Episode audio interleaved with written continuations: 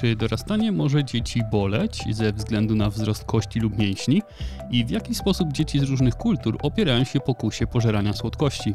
Czy naszyjniki, obrączki lub kolczyki mogą stać się narzędziami diagnostycznymi? Sobotni odcinek podcastu Naukowo, Arkadiusz Polak, witajcie. Opowiem dziś także o tym, jak radzą sobie koralowce i czy można im pomóc, oraz o flotyli jachtów produkujących energię. Tradycyjnie proszę o udostępnianie, lajkowanie i komentowanie odcinka, co bardzo mi pomaga w dotarciu do nowych słuchaczy. Jeśli macie ochotę mnie wesprzeć finansowo, to zapraszam pod adres patronite.pl ukośnik naukowo. Dla wspierających dostępna jest zamknięta grupa na Facebooku, w której publikuję dodatkowe naukowe doniesienia i informacje. Zajrzyjcie też na stronę naukowo.net i nasz serwer Discord. Wszystkie linki znajdziecie w opisie tego odcinka. Zaczynamy. Na początek proste wydawałoby się pytanie z tytułu tego odcinka: czy dorastanie boli? Wielu nastolatków przeżywa na pewno egzystencjonalne bóle istnienia, ale nie chodzi tu o ten rodzaj cierpienia ani o taki pochodzący z chorób. Czy sam proces dorastania, rozrastania się organizmu, powiększania się kości i narządów wewnętrznych może być dla dzieci bolesny? Wszak tempo wzrostu u dzieci jest niezwykłe i nie powtarza się nigdy później w ciągu życia człowieka. Jeśli bóle temu towarzyszące mają rzeczywiście wyraźne podstawy fizjologiczne, to pomimo rozwoju nauki nie wiemy o nich prawie nic. Przez lata badacze wysnuwali liczne wyjaśnienia dla rosnących bólów, od stresu przez anatomię do odżywiania, choć żadne nie zostało dokładnie przetestowane. Czym są tak zwane bóle wzrostowe, opisywane w medycynie jako doświadczenie wielu dzieci w okresie swojego rozwoju?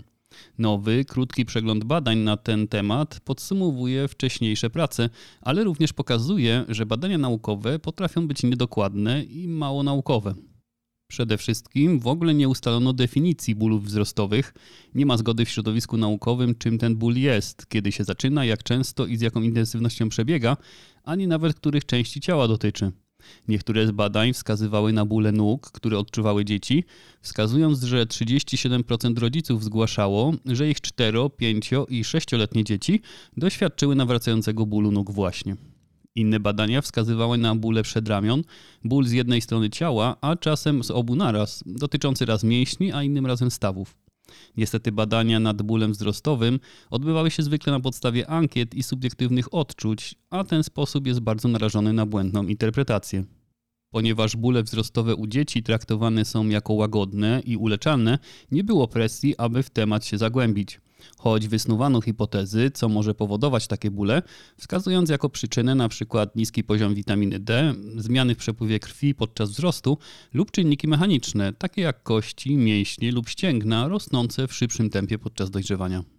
W nowej pracy przeglądowej badacze postanowili sprawdzić, jak dotychczasowe badania traktują bóle wzrostowe. W znalezieniu danych pomogła technologia, ponieważ w przeglądzie 8 elektronicznych baz danych spośród 3000 badań uwzględniono 145 z nich, które wspominały o bólach wzrostowych u dzieci lub nastolatków. Najczęściej, bo w 50% źródeł wymieniano ból nóg jako wzrostowy. W ponad 30% artykułów wymieniano inne składniki bólów wzrostowych, nawracający przebieg, ból obustronny czy występowanie bólów najczęściej wieczorem i w nocy. Niestety jakość tych badań pozostawia wiele do życzenia.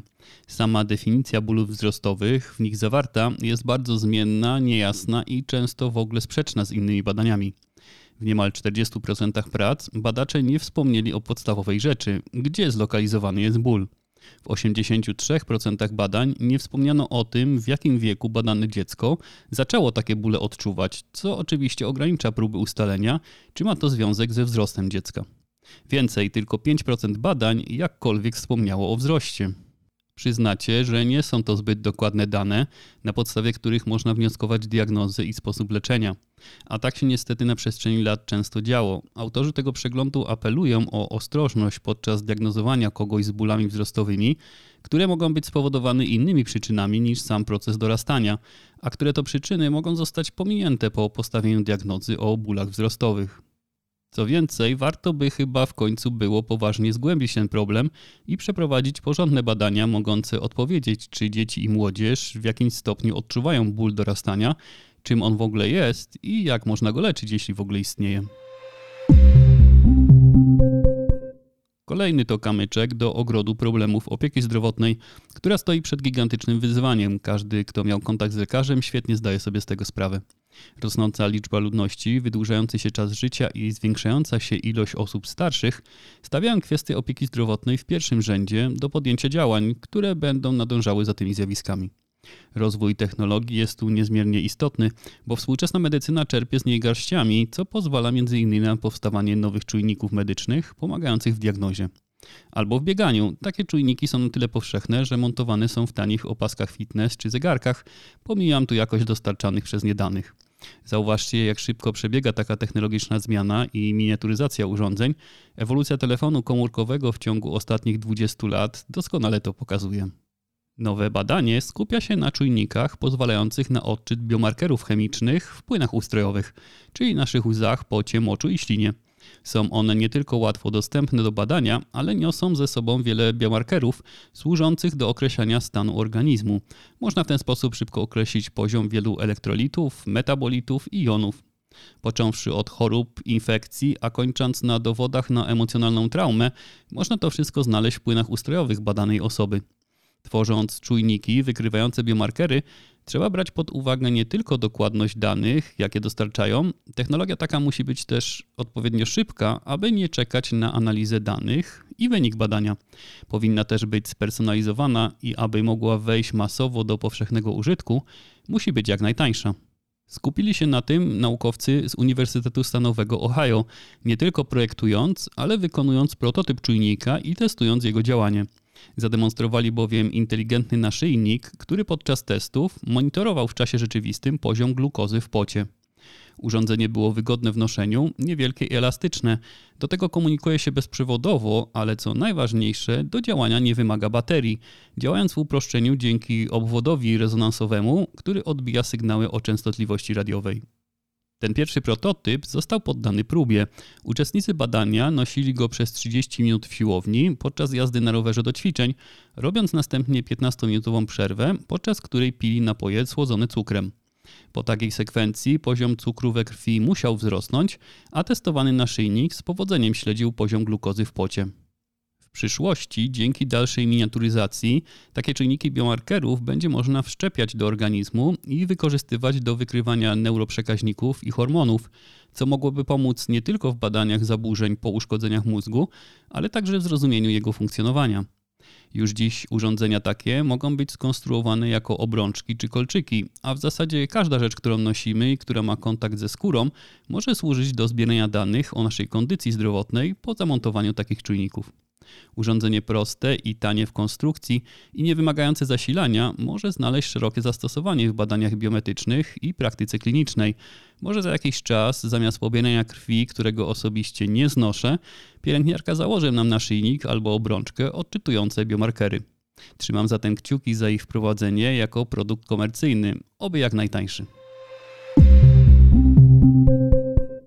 Tanim sposobem na podwojenie korzyści była dla przedszkolaków cierpliwość i umiejętność oparcia się pokusie, odkładając nagrodę na przyszłość. W 1972 roku na Uniwersytecie Stanforda przeprowadzono taki prosty eksperyment, w którym 25 dziewczynek i 25 chłopców w średnim wieku 4,5 lat wprowadzono do pokoju. Na miejscu dzieci otrzymywały smakołyk w postaci słodkiej pianki lub precla i mogły go zjeść od razu, ale badacze obiecali im, że jeśli poczekają 15 minut i nie ulegną słodkiej pokusie, otrzymają w zamian dwa takie smakołyki. Oczywiście wszystko odbywało się w przyjaznej atmosferze, tak aby dzieci czuły się swobodnie dokonując wyboru. W badaniu, opierając się na informacjach uzyskanych z poprzednich eksperymentów dotyczących samokontroli, naukowcy postawili hipotezę, że każda czynność, która odwróci uwagę dziecka od oczekiwanej przez niego nagrody, zwiększy prawdopodobieństwo, że oprze się ono natychmiastowemu zjedzeniu smakołyka.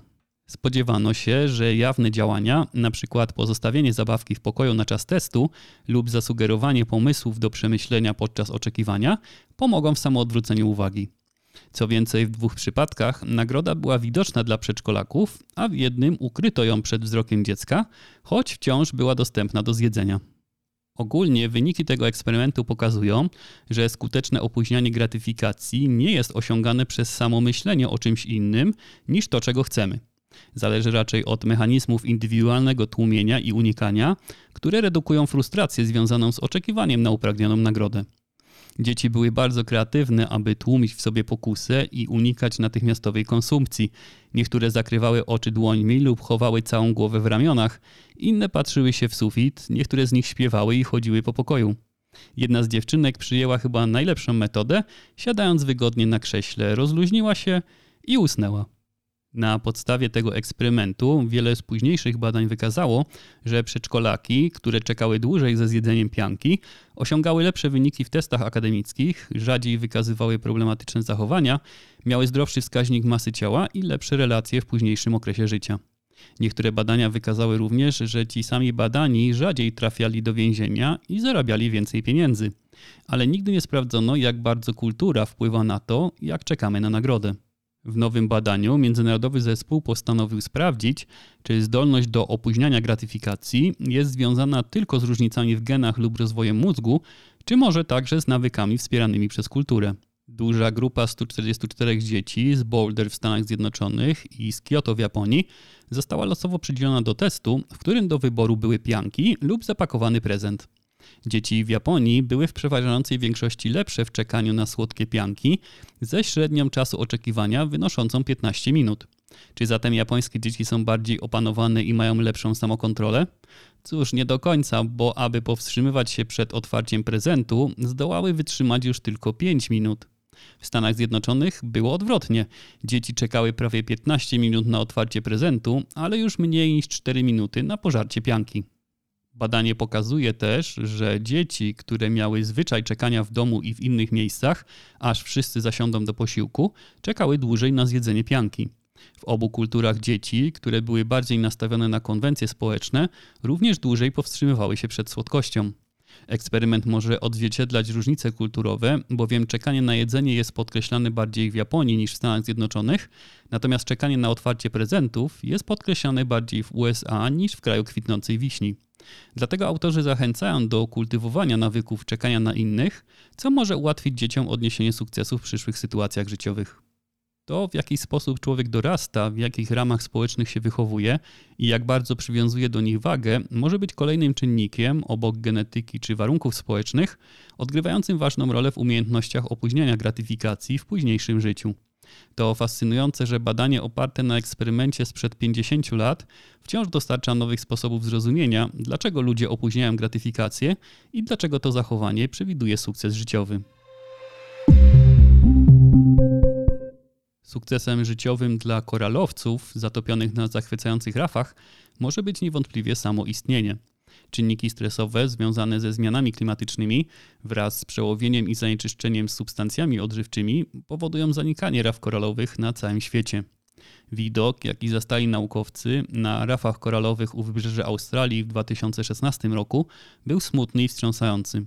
Woda w tym regionie była wówczas wyjątkowo ciepła. Szacunki mówiły, że ten poziom temperatury wystąpi w tym regionie dopiero około roku 2050. Trwająca przez tydzień fala upałów zamęczyła koralowce. Niektóre z nich stały się fluorescencyjne, inne całkowicie białe, a woda, w której żyły, mętna. Koralowce mogą się odbudować po wybieleniu, jeśli dostaną czas na regenerację. Jednak coroczne wybielanie oznacza, że nie ma wystarczająco dużo czasu na właściwą odbudowę. Nawet najbardziej wytrzymałe koralowce nie są w stanie przetrwać takiej sytuacji rok po roku. Ponieważ temperatura na świecie jest coraz wyższa, koralowce mają coraz mniejszą szansę na regenerację. Już po raz czwarty w ciągu siedmiu lat na wielkiej rafie koralowej doszło do powszechnego wybielania koralowców. A przecież jedna czwarta gatunków morskich na Ziemi żyje w rafach koralowych dzięki symbiozie zgranej pary koralowców, będących zwierzęciem jako takim, oraz mikroskopijnych alg. Mniej wiemy niestety o tym, skąd korale biorą swoich partnerów. Postanowili to sprawdzić biolodzy morscy z Uniwersytetu Rice w Teksasie na przykładzie korali kamiennych, które w celu budowania raf polegają na żywieniowej symbiozie z jednokomórkowymi dinoflagelatami, czyli malutkimi algami, jednymi z najliczniejszych mikrobów występujących w ekosystemach rafy koralowej. W opublikowanej pracy badacze dowodzą, że jednym ze źródeł przyjaznych koralowcom alg mogą być rybie kupy. Odchody ryb żywiących się koralowcami są pełne gatunków alg, które mogą nawiązać symbiotyczne relacje z budulcem rafy. Część gatunków ryb ma w swojej diecie także korale, choć jedzą również inne rzeczy. Ale są takie ryby, które żywią się wyłącznie koralami i wybierają wówczas te zdrowe, niewybielone. Podczas procesu wybielania poszczególne korale reagują w różny sposób. Niektóre z nich, nawet w obrębie tego samego gatunku, regenerują się szybciej, częściowo dlatego, że ich algi różnią się od alg koralowców, które mocno ucierpiały. Choć wiele koralowców nawiązuje relacje tylko z jednym rodzajem alg, to główne gatunki budujące rafy mogą łączyć się z kilkoma różnymi gatunkami alg. Niektóre algi sprawiają, że korale są bardziej odporne na ciepło i w ten sposób ryby, jedząc bardziej odporne glony z niebielonych korali, mogą pomóc w rozprzestrzenianiu się odporniejszych na ciepło symbiontów wokół rafy.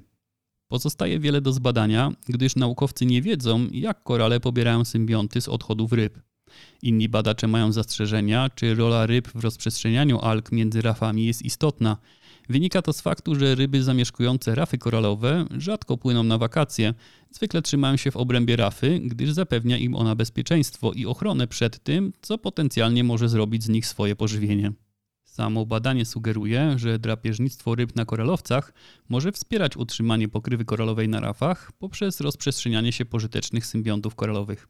Ale aby w pełni chronić rafy koralowe i organizmy od niej uzależnione, trzeba przede wszystkim zatrzymać degradację środowiska i zmiany klimatyczne. Produkcja zielonej energii jest niewątpliwie jednym z czynników decydujących o sukcesie powstrzymywania zmian klimatycznych. W 33 odcinku podcastu opowiadałem o magazynach piachu, mogących przez długi czas przechowywać energię. Pomysł ten przekuto w rozwiązanie komercyjne, które będzie działać w Finlandii. Dziś opowiem o innym pomyśle, będącym również w fazie startu, a łączącym żaglówki, produkcję energii oraz sztuczną inteligencję. Angielska ekipa inżynierów i naukowców z Drift Energy zamiast stawiać na wiatraki, postanowiła użyć jednostek pływających do wytwarzania, przechowywania i dystrybucji energii, które miałyby na celu uzupełnienie istniejących już systemów energetycznych. Cały projekt opiera się na pomyśle wodorowych łodzi żaglowych, latających jachtach, które pływając w odpowiednich miejscach przekształcają energię wiatrów w energię elektryczną. Dzieje się tak poprzez przeciąganie podwodnych turbogeneratorów, które z kolei zasilają proces elektrolizy, rozszczepiający wodę na wodór i tlen. Następnie wodór mógłby być gromadzony i dostarczany do najbliższego portu, aby przekazać go klientom. Ocean dawałby tu nie tylko energię do zasilania turbin, ale także surowiec potrzebny w procesie elektrolizy morską wodę. Pomysł zakłada użycie nie jednego, lecz całej flotyli katamaranów, które działałyby wspólnie i które mogłyby działać w dowolnym miejscu na świecie, umożliwiając również ich przeniesienie w inne miejsca w zależności od zapotrzebowania na energię. Sam katamaran był naturalnym wyborem konstrukcji takiej żaglówki ze względu na jego zdolność do zmniejszania oporu i bardziej efektywnego przekształcania energii wiatru w pęd do przodu, co z kolei napędza podwodne turbiny. Aby taka flotylla była jak najbardziej wydajna, musi wiedzieć, gdzie są najlepsze warunki sprzyjające produkcji energii. I tu do projektu wchodzi sztuczna inteligencja, której algorytmy dołączono do prognozowania pogody i systemów nawigacyjnych, a to wydaje się być sekretnym składnikiem powodzenia całego projektu. Biorąc pod uwagę wiatr i fale, system reaguje w czasie rzeczywistym, kierując jachty tam, gdzie produkcja energii jest w tym momencie najbardziej wydajna, będąc przy tym systemem autonomicznym, nie wymagającym ciągłego nadzoru. 11 lipca firma Drift Energy ogłosiła, że z powodzeniem wyprodukowała wodór przy użyciu swojej pierwszej, specjalnie skonstruowanej łodzi w ramach prób morskich. Wodór nie był dotąd produkowany w taki sposób nigdzie na świecie. W trakcie dwugodzinnych prób udało się wyprodukować około 6 litrów zielonego wodoru. Według producenta wyniki przekroczyły oczekiwania, a jacht mógł w tej próbie wyprodukować ponad 10 razy więcej zielonego gazu odnawialnego. W ciągu zaledwie roku od założenia firma Drift zdołała potwierdzić swoją koncepcję, a w ciągu ostatnich trzech miesięcy zmodernizowali i przetestowali działanie pierwszego jachtu do produkcji wodoru.